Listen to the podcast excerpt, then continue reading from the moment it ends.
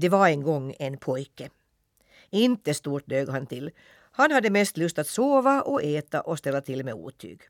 Nu var det söndagsmorgon och pojkens föräldrar skulle gå till kyrkan. Skönt, tänkte pojken. Då kan jag skjuta med fars bössa utan att någon lägger sig i. Men far hade nog isat hans tankar. Vill du inte följa med till kyrkan så får du läsa predikan hemma, sa han. Mor kom med postillan och slog upp den. 14 och en halv sida, sa hon, och far ska få höra dig på varenda en. Så börja nu om du ska hinna med allt. Äntligen kom de sig iväg. Ute var det friskt och knoppande. Vatten porlade i alla diken och hästhovsörten stod i blom. Far och mor skulle ha vandrat nöjda och glada till kyrkan om de inte hade haft sonen att tänka på. Han var trög och lat och ingenting ville han lära sig i skolan och han var elak mot djur och människor. Måtte han få ett annat sinnelag, suckade mor bedrövat. Annars blir han till olycka för både sig själv och oss. Hemma i stugan såg pojken ingen annan råd än att sätta sig att läsa. Han började rabbla med halvhög röst, men mumlandet gjorde honom sömnig och rätt vad det var så nickade han till. Men så vaknade han av ett lätt buller. Rakt framför honom stod en liten spegel i fönstret och i den såg han att locket på mors gamla fina kista hade slagits upp. På kistkanten satt en tomte och tittade förtjust ner på grannlåten. Pojken blev väldigt förvånad, men inte blev han rädd för en som var så liten. Det kunde vara roligt att spela Pysslingen ett spratt. Han ryckte åt sig flughoven och i ett nafs hade han fångat tomten i den. Tomten låg på botten och bad så innerligt att få bli fri. Jag har gjort det gott under många år, sa han. Du ska få en silversked och en guldpenning om du släpper mig. Pojken gick med på det, men just som tomten skulle klättra upp kom han på att han kunde ha bett om större rikedomar så han började skaka hoven för att tomten skulle ramla ner igen. I samma stund fick pojken en så förfärlig örfil att han trodde att huvudet skulle spricka och han blev liggande sanslös på golvet. När han vaknade var han ensam igen. Kistlocket var stängt och flughoven hängde på sin plats.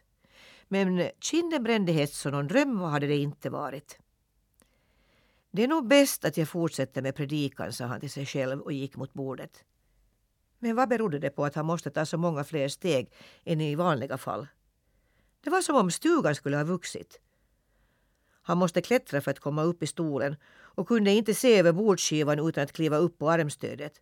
Och för att läsa måste han rent av ställa sig mitt i själva boken. Han läste ett par rader och råkade sedan titta mot spegeln och ropade högt. Se där! Där är ju en tomte till! För han såg tydligt en liten parvel i byxor och toppluva. Han är ju klädd som jag, sa pojken och slog ihop händerna. Men då märkte han att parveln i spegeln gjorde likadant. Han nöp sig i armen och rev sig i håret och genast gjorde pojken i spegeln detsamma. Pojken sprang runt spegeln för att se om det stod någon liten gubbe gömd bakom den. Men han hittade ingen där och då blev han riktigt rädd. Nu förstod han att tomten hade förtrollat honom och att parveln i spegeln var han själv. Om jag väntar lite så blir jag nog människa igen, tänkte han och slöt ögonen. Men nej, han förblev lika liten. Jag måste göra tomten god igen, utbrast han och började leta efter honom bakom skåpet och under soffan, men ingen tomte hittade han. Pojken tog till gråten och bad och lovade att aldrig narras mer, aldrig vara elak, aldrig somna från predikan. Bara han blev människa igen så skulle han bli så snäll och flitig och lydig. Men det hjälpte inte minsta. Kanske kunde han få tag på tomten ute i kostallet. Han smet ut genom stugdörren som stod på glänt och ut på farstubron och där hittade han ett par pyttesmå träskor. Tomten hade visst tänkt att eh, här skulle räcka länge. När pojken kom ut på gården eh, fick en flock sparvar syn på honom och började pipa. Titt! Se på Nils gåsapåg! Se på Tummetott! Nils Holgersson Tummetott! Strax efteråt hördes ett förskräckligt kacklande. Kuckeliku, goltuppen, rätt åt honom, han som nu rycker mig i kammen. Kakaka, skrek hönsen, rätt åt honom, rätt åt honom. Pojken stod häpen och lyssnade. Det är väl för att jag är förvandlad till en tomte som jag förstår fåglalåten, mumlade han eftertänksamt. Han kastade en sten mot hönsen och skrek ”Tig med er ert pack!” Men hönsen var inte längre rädda för honom och det tystnade inte förrän katten kom smygande. Kära du, Misse, sa pojken, tala om för mig var tomten håller hus. Katten såg godmodig ut och sa med len röst, nog vet jag var tomten bor.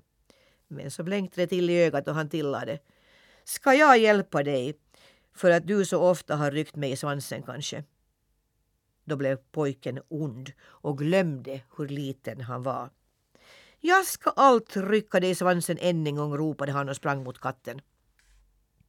Genast tog katten ett språng, slog omkull honom och satte klorna i hans bröst.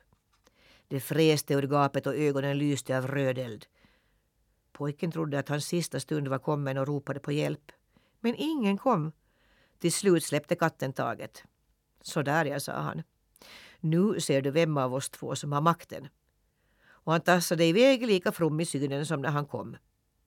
Inne i kostallet hördes ett bölande och ett stampande från trettio kor. Mu! Det är gott att det ännu finns rättvisa i världen, råmade Majros när pojken klev in. Han försökte på nytt fråga efter tomten. Kom bara hit, sa Stjärna, så ska du få dansa på mina horn.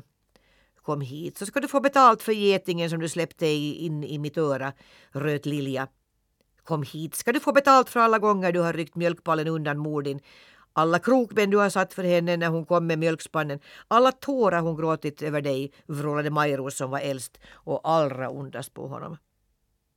Pojken ville säga att han ångrade sig och att han aldrig skulle vara annat än snäll om det sa var tomten fanns. Men de bara skakade på huvudena och måttade med hornen. Det var nog lika gott att smita därifrån. När han kom ut kände han sig ganska modlös. Han begrep att ingen på gården ville hjälpa honom att finna tomten och det skulle väl inte tjäna mycket till om han fick tag på honom. Han kröp upp på den breda stengärdsgården och gick runt torpet och satte sig att fundera. Hur skulle det gå om han inte blev människa igen? Vad skulle far och mor tro när de kom hem från kyrkan? Ja, hela bygden skulle undra.